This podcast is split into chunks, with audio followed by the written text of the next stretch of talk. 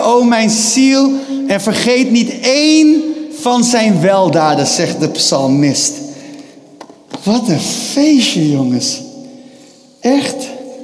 Mijn microfoon staat hard, hè? Die mag zachter, hoor.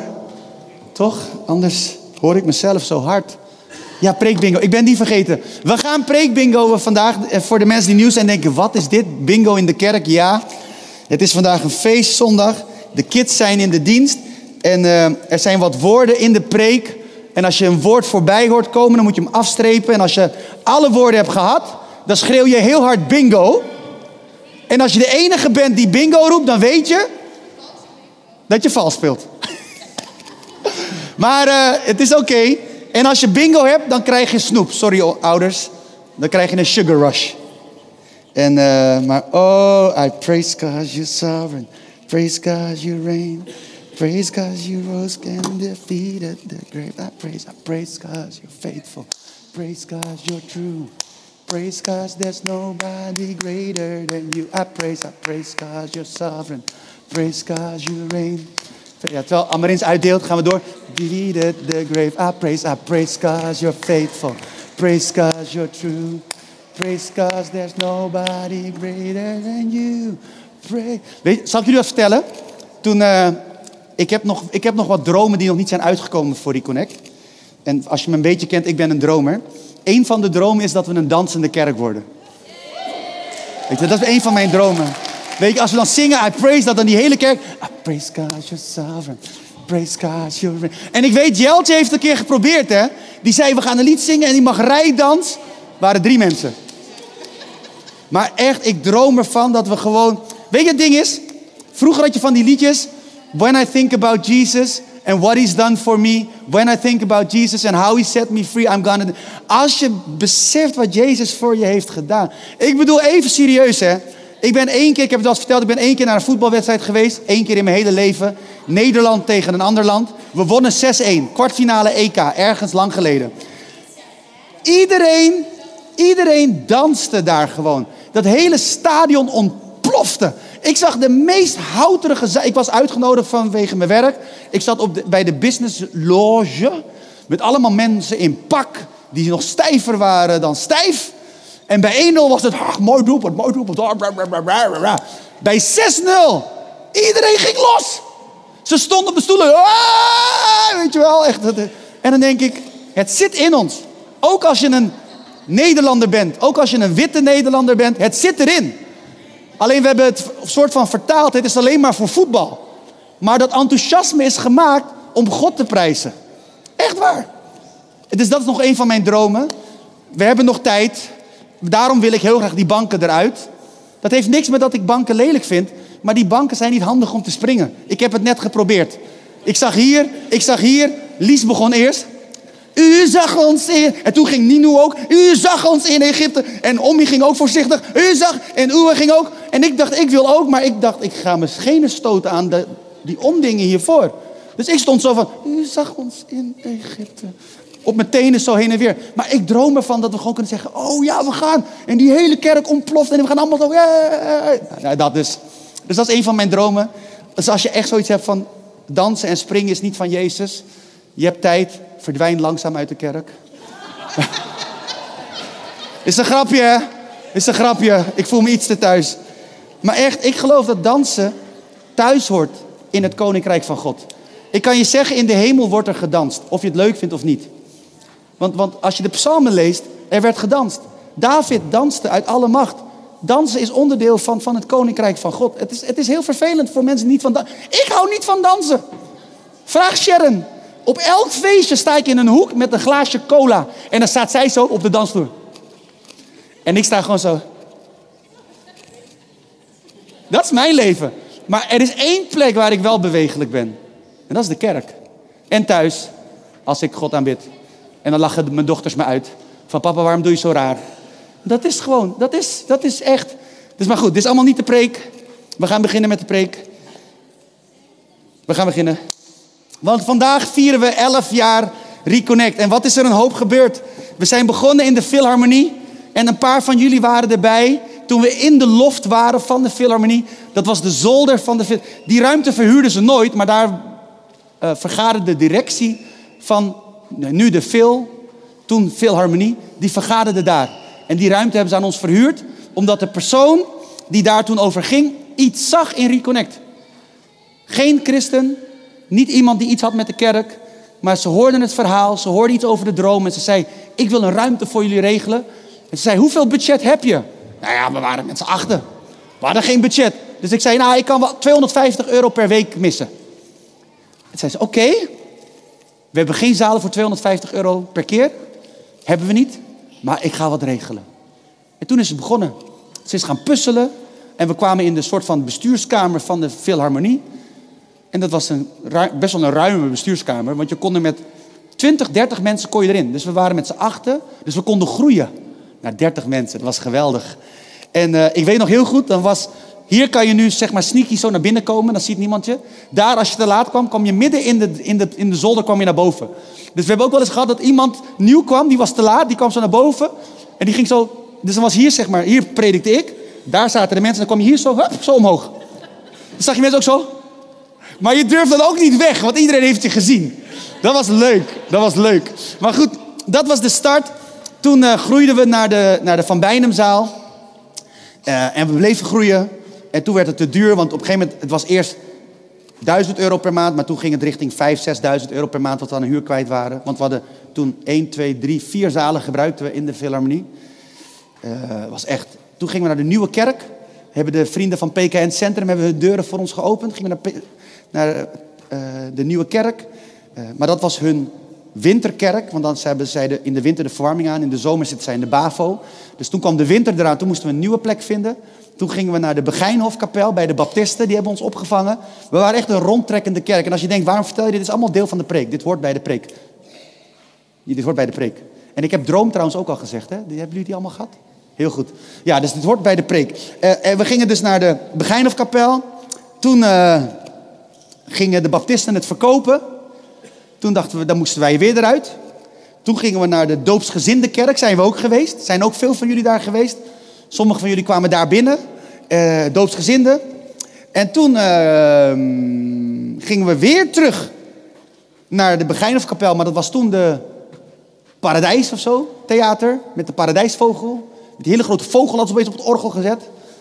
Uh, toen kwam corona, toen gingen zij dicht. Toen hebben we het nog ongeveer een jaar hebben we hun geholpen door soort van te zeggen, nou weet je, wij eh, betalen door een deel, 50% om jullie te steunen. Maar na een jaar dachten we, ja, we wisten niet hoe lang het nog ging duren. Toen stopten wij, toen ging theater failliet. Net als heel veel kleine theaters. Toen werden we welkom gegeten bij Geloof in de Stad. Die hadden toen Amsterdamstraat, konden daar blijven. Dat was tijdelijk, was het idee. Uiteindelijk zijn we daar uh, twee jaar, drie jaar soort van geweest. En toen kwam dit gebouw waar we al heel lang voor baden. En niet dit gebouw, maar de plek. En de plek is Centrum Haarlem. Vanaf de start van de kerk wilden we altijd in het centrum van Haarlem zijn. En het is een enorme reis geweest. En toen we begonnen, hadden we als mission statement mensen verbinden met God en elkaar. En dat was ook de reden van de naam Reconnect. En nou ja, we hadden dus die droom voor de kerk. We zagen iets voor ons en bedachten hoe dat eruit zou kunnen zien. En vijf jaar geleden probeerden we deze droom te vangen in een zin. En dat is de volgende zin, staat ook op onze website. Voor de rest herhalen we niet heel vaak, maar het is wel waaraan we heel veel meten. Dat is, wij zien een lokale kerk waar creativiteit, professionaliteit en talent samenkomen. En daarvan uitdeelt aan de community waar zij deel van is. Zodat God in en door haar heen gezien en geëerd wordt. Dat is onze droom. Dat we ons talenten inzetten, dat wat we hebben gekregen van God, om uit te delen aan de mensen om ons heen. Dat is wat we willen doen. En we weten, we doen nog heel veel dingen verkeerd. Ik weet, ik doe nog heel veel dingen verkeerd. Ik, ik sta op tenen van mensen. Ik, ik vergeet mensen. En het komt niet uit een slecht hart, maar mijn hoofd is af en toe een beetje vol met ideeën. Dat is mijn, daarom heb ik mensen om me heen nodig die me remmen, die tegen me ingaan en me helpen. En gelukkig heb ik die mensen. Maar ik zei het net tegen vrienden aan het begin van de dienst. Ik zou het fijn vinden als meer mensen die vrijheid voelen om met me te praten. En, en met me te praten vanuit een hart dat het beste voor heeft voor de kerk.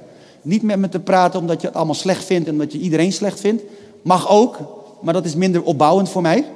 Maar als je me gewoon wil zeggen, hey Gil, ik zie dit en dit, hier worden we niet echt blij van, maar we houden van de kerk en we delen het met je, want we willen zo graag verder. Ik droom van zo'n kerk. Dat de openheid is. Vergeloof me, ik ben enthousiast. Ik word niet boos. Ik ben niet snel boos. Ik, ik, ik schreeuw niet. Ik ben niet snel op mijn tenen. Ik heb kleine voeten gekregen van God. Dat is ook in het natuurlijke, maar geestelijk ook. Ik heb geen lange tenen. Dus je, je kan heel veel tegen me zeggen. Dus deel het met me. Want kerk zijn we samen. Kerk is niet alleen maar het kernteam. Kerk is niet alleen maar de coördinatoren. Niet eens alleen maar de teamleden. Kerk zijn we samen. Dus als jij deel bent van de kerk en je hebt een droom voor de kerk en je droomt ervan. Kijk, het is wel belangrijk dat je de droom deelt. En onze droom is dat we vanuit deze plek een kerkelijk centrum kunnen zijn voor de mensen in Haarlem. Dat mensen hier binnen kunnen komen, dat ze kunnen ontvangen, dat ze thuis kunnen komen bij de Vader. Dus als je niet wil dat mensen tot geloof komen, dan is dit ook geen goede kerk voor jou. Mijn droom is dat deze kerk heel veel mensen herbergt die tot geloof komen. Mijn droom is dat hier op een gegeven moment zondagochtend vol zit, zondagmiddag vol zit, zondagavond vol zit en zaterdagavond vol zit. Met allemaal mensen die daarvoor geen kerk hadden, maar gewoon iets van Jezus hebben ontdekt en geproefd. Dat is mijn droom. En ik ken wel mensen die zeggen, ja, maar we hebben wel eens mensen gehad die weggingen uit de kerk. Die zeiden, ja, de kerk groeit en ik snap dat het goed is, maar eigenlijk vinden we het niet meer zo leuk. Want het is niet meer zo knus. Dat is het nadeel, hè? als je meer mensen hebt, dan wordt het minder knus. Toen zei ik ook, ja, sorry, maar dan denk ik dat je een andere plek moet zoeken, want deze kerk blijft groeien omdat God deze kerk groei geeft. Dus, maar deel, praat, omarm de visie als je, die, als het resoneert bij jou. Uh, en deel dan vanuit je hart. En vandaag wil ik ons, inclusief mijzelf, bemoedigen en inspireren aan de hand van een schitterend verhaal uit het Oude Testament. Een paar jaar geleden had ik ook gesproken over deze tekst. En misschien dat je hem daarom ook herkent. Maar terwijl ik binnen bezig was van Heer, Waar staan we nu? Wat is nu de plek waar we staan als kerk? Kwam dit verhaal zo sterk naar boven. Het is een verhaal uit Joshua. Joshua, Joshua 3. En ik vind het leuk dat Hans er is, want een van de eerste keren dat ik werd gewezen op dit verhaal en, en, en de significance van dit verhaal, was eigenlijk in een gesprek met Hans. Dat was heel leuk. Uh, en misschien herken je het nog wel als ik het deel, maar dan, dit is echt dit verhaal. En het komt, je moet weten, op dat moment stond het volk van God stond voor de Jordaan. Ze hadden 40 jaar gezworven in de woestijn. En nu stonden ze voor de Jordaan. En nu stonden ze voor de Jordaan. Om over te steken. En aan de overkant was Jericho. Dus aan de overkant was het begin van het beloofde land. En we gaan lezen. We beginnen vanaf vers 14. Jozua 3. Vanaf vers 14. En daar staat. Toen het volk het kamp had opgebroken. Om de Jordaan over te trekken. Gingen de priesters die de ark van het verbond droegen voor het volk uit. En zodra de priesters bij de Jordaan waren gekomen en hun voeten door het water werd omspoeld, en de Jordaan stond de hele oogsttijd buiten haar oevers, kwam het water tot stilstand en vormde het een dam heel in de verte bij de stad Adam, die vlakbij Saratan ligt. En hierdoor werd de stroom in de richting van de Dode Zee, oftewel de Zoutzee, volledig afgesneden. En kon het volk ter hoogte van Jericho oversteken. De priesters die de ark van het verbond met de Heer droegen, bleven precies in het midden van de rivierbedding staan. Terwijl heel Israël overstak, tot iedereen aan de overkant van de Jordaan was. Vader, dank u wel voor uw woord. Dank u wel dat er licht ontstaat wanneer uw woord open gaat. Licht om ons te laten zien waar we vandaan komen, waar we naartoe gaan, waar we staan. Heer, en misschien nog het allermooiste, hoe we kunnen komen op de plek die u voor ons heeft. Want uw woord is een lamp voor ons voet en een licht op ons pad. Ik dank u wel dat uw woord ook vandaag weer zal inspireren, zal motiveren. Heer, en ons zal voeden om in beweging te blijven voor uw koninkrijk, Heer. Want dat is wat we willen zien. Uw koninkrijk steeds meer hier op aarde, steeds meer glimpen van uw koninkrijk, van uw rechtvaardigheid, van uw liefde en van uw vrede door uw kerk heen. Tot eer van Jezus, in Jezus' naam. Amen. Stel je voor dat je daarbij was. Ze staan voor de Jordaan. En 40 jaar lang hebben ze het verhaal gehoord. De Exodus, waar we over hebben gezongen. U zag ons in Egypte.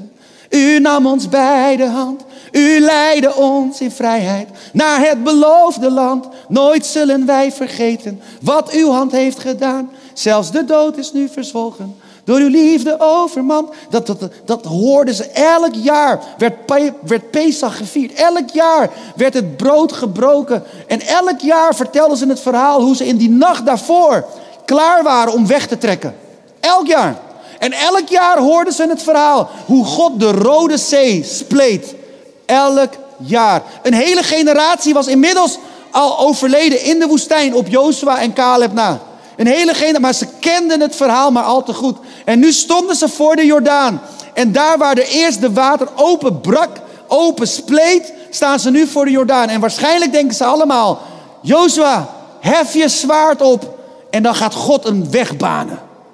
En Jozua die had gebeden, die had God gezocht de nacht daarvoor. En God sprak en God zei, nee, we gaan het anders doen. En ik kan me voorstellen dat Jozua zei, heren, weet u het zeker, u kent uw volk. We zijn gewoontedieren. We, we, we, we gaan niet zomaar iets anders doen. Want dan komt er een commissie die daar tegenop staat. We gaan niet iets anders doen, dat gaat niet werken. 40 jaar lang hebben ze dit verhaal gehoord. Kunt u dit weer op deze manier doen? En God zegt nee, want ik ben een God van nieuwe dingen. Ik doe nieuwe dingen. Ik ben creatief, ik ben de creatieve God, ik ben de schepper. Ik ga laten zien hoe groot ik ben. En Jozua komt die tent uit en zegt dan tegen die mensen, tegen de priesters, waarschijnlijk riep hij eerst de priesters bij zich, jongens. En ze zeggen allemaal, ja, wat gaan we doen, wat gaan we doen? Ga je, je zwaard opheffen en komt God met de wind en gaan we er doorheen? En Jozef zegt, ongeveer. Jullie gaan het water in. Pardon?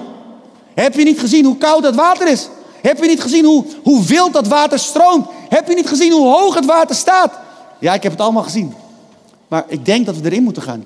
Weet je het zeker? Heb je een second opinion gevraagd? Nee. Ik heb alleen God. Dat is alles wat ik heb. Het ding is dit. Je kan de strijd van vandaag niet aangaan met de wonderen van gisteren.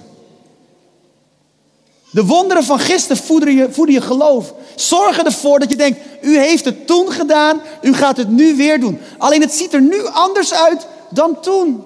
Echt waar. En ik weet het, ik ben ook iemand die, ik hou van patronen. Vraag Sharon. Ik ben zo voorspelbaar als maar kan zijn eigenlijk. Ik hou van een ritme. Mijn ochtend is elke dag hetzelfde. Mijn wekker gaat elke dag op hetzelfde moment af. Dan heb ik mijn ritueel. Dan ga ik bidden. Ik ga bijbel lezen. Dan lees ik het nieuws. Kijken of er weer wat gebeurd is. Dan doe ik mijn koffiezetapparaat aan. Druk ik op het knopje dat de koffie wordt gezet. Dan ga ik douchen. Kom ik de douche uit. Is mijn koffie op de perfecte temperatuur om in één keer weg te drinken. Dan doe ik een vitamine C bruistablet met water. Niet te koud, een beetje lauw. Doe ik erin. Dan kleed ik me weer aan verder. En dan ben ik klaar, hij uitgebruist. Dan drink ik dat weg. En dan ga ik brood smeren voor. Dat is elke ochtend.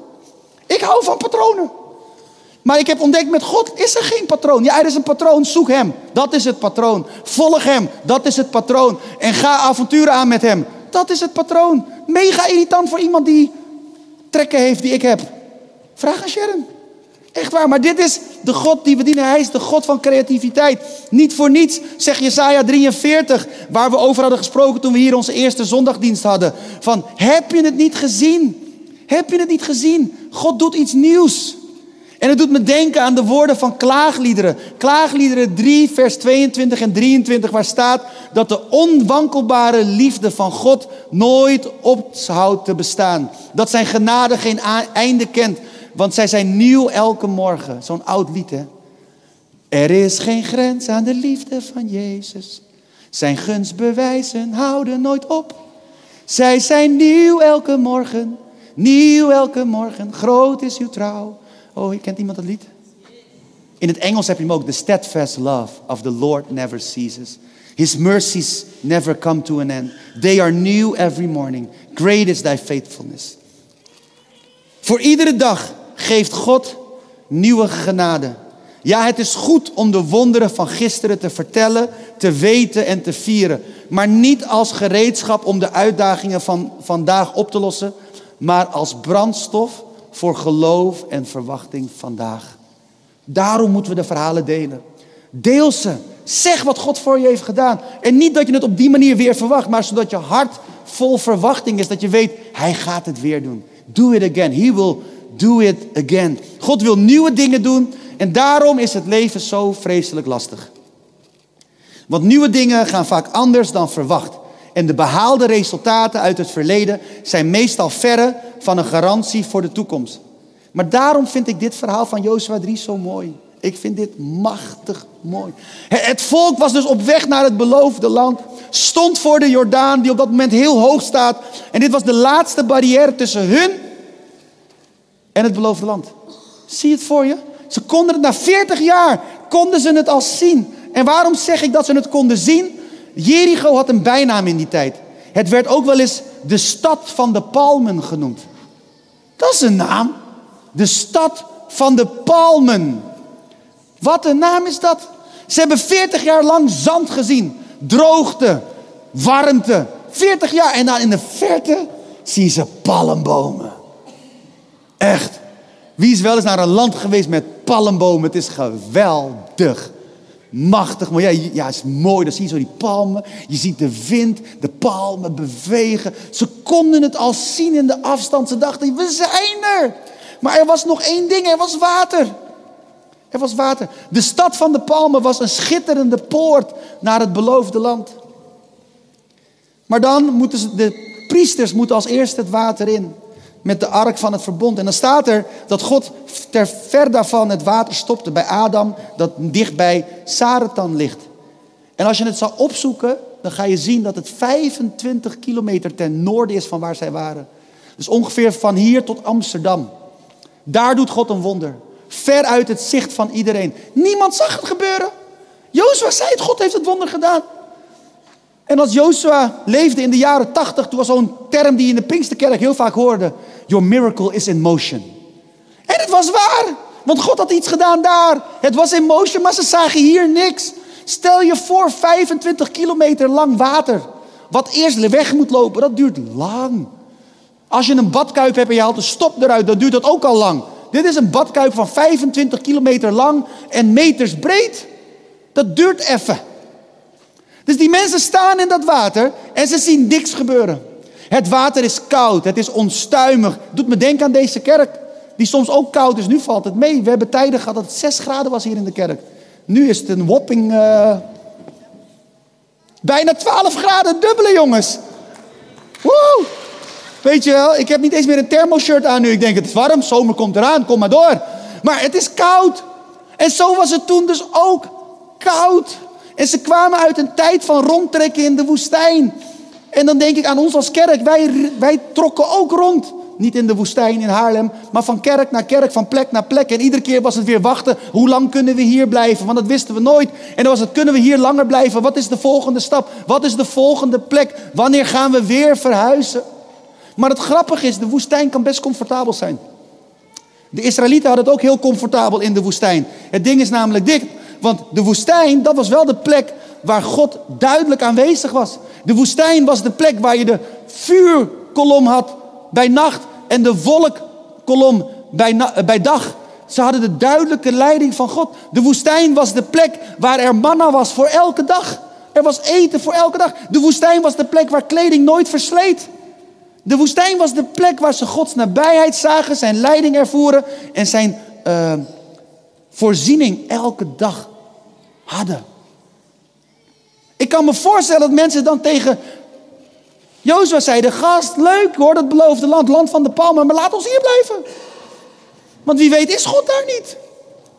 Blijf, laten we hier blijven. Maar het ding is, we willen altijd terug. Want toen ze in de woestijn net waren, zeiden ze: Laten we teruggaan naar de vleespotten van Egypte. We willen altijd terug. Dat is typisch hoe wij zijn. En God daagt ons uit stap voor stap. En dat betekent niet dat daardoor alles maar goed is, maar het betekent dat we dus heel erg goed moeten opletten van Heer, hoe leidt u ons?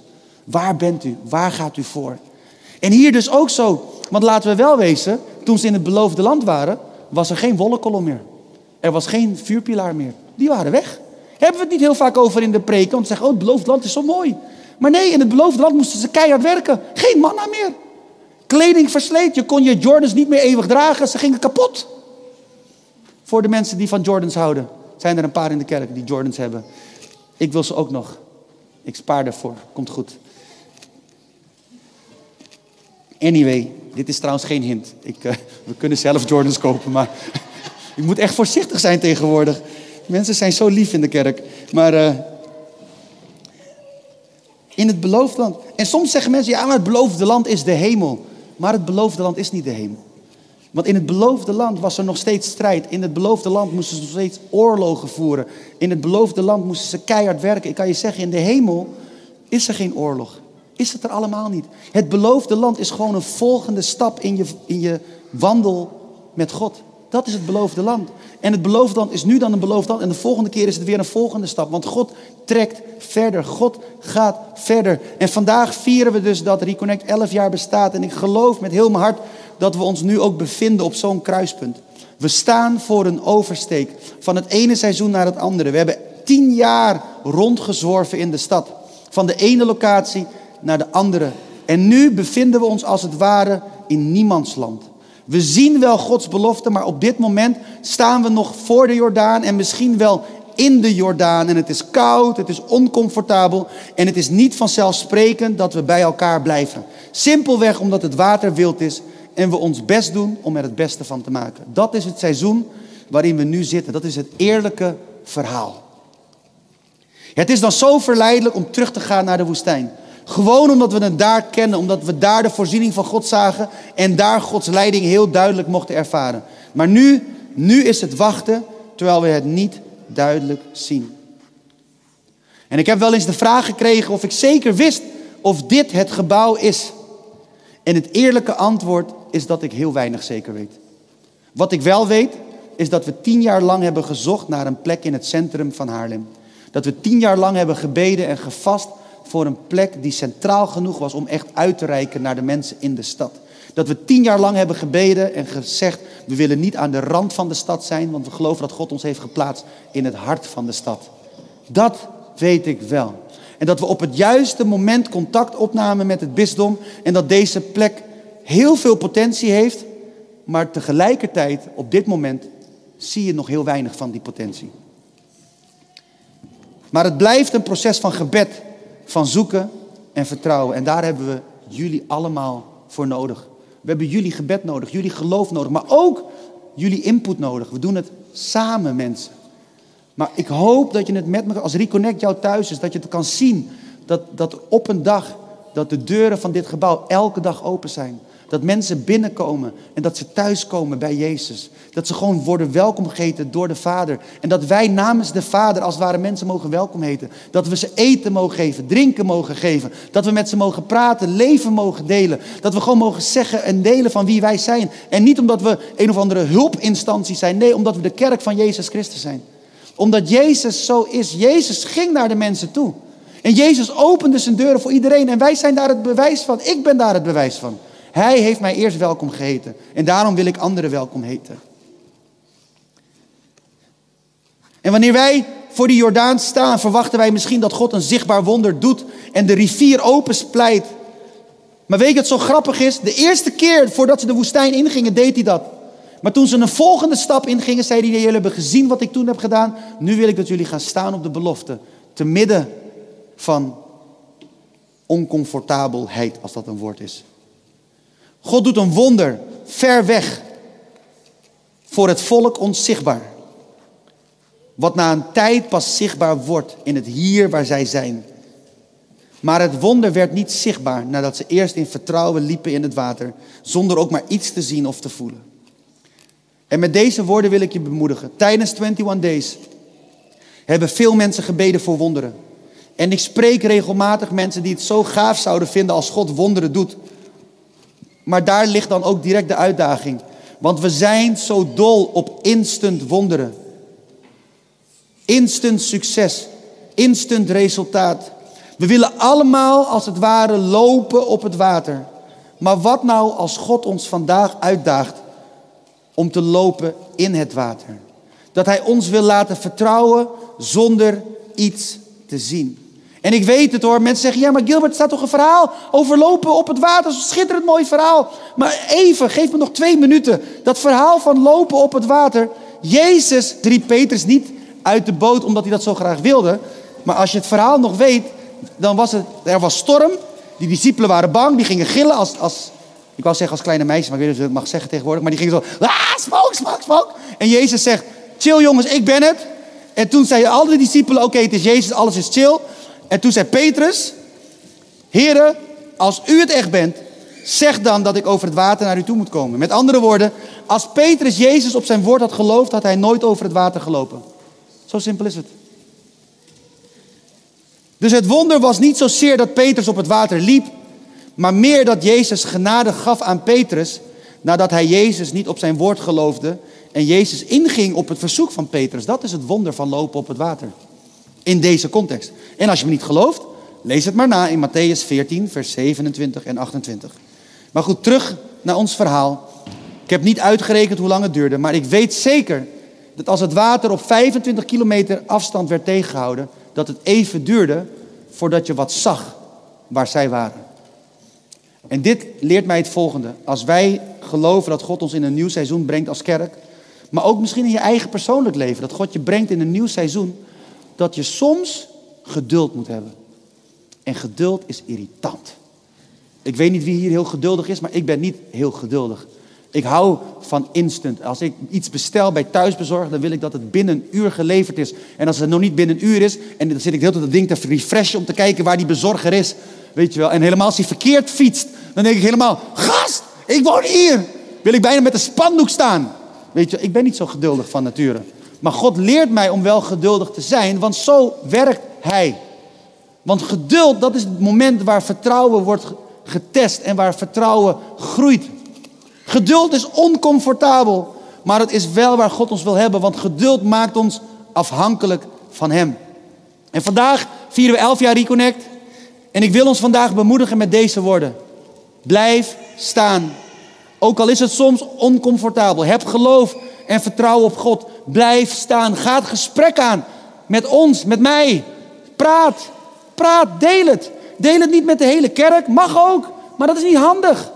Deel het met mij. Deel het met het kernteam. En als je me eng vindt, stuur me een mail.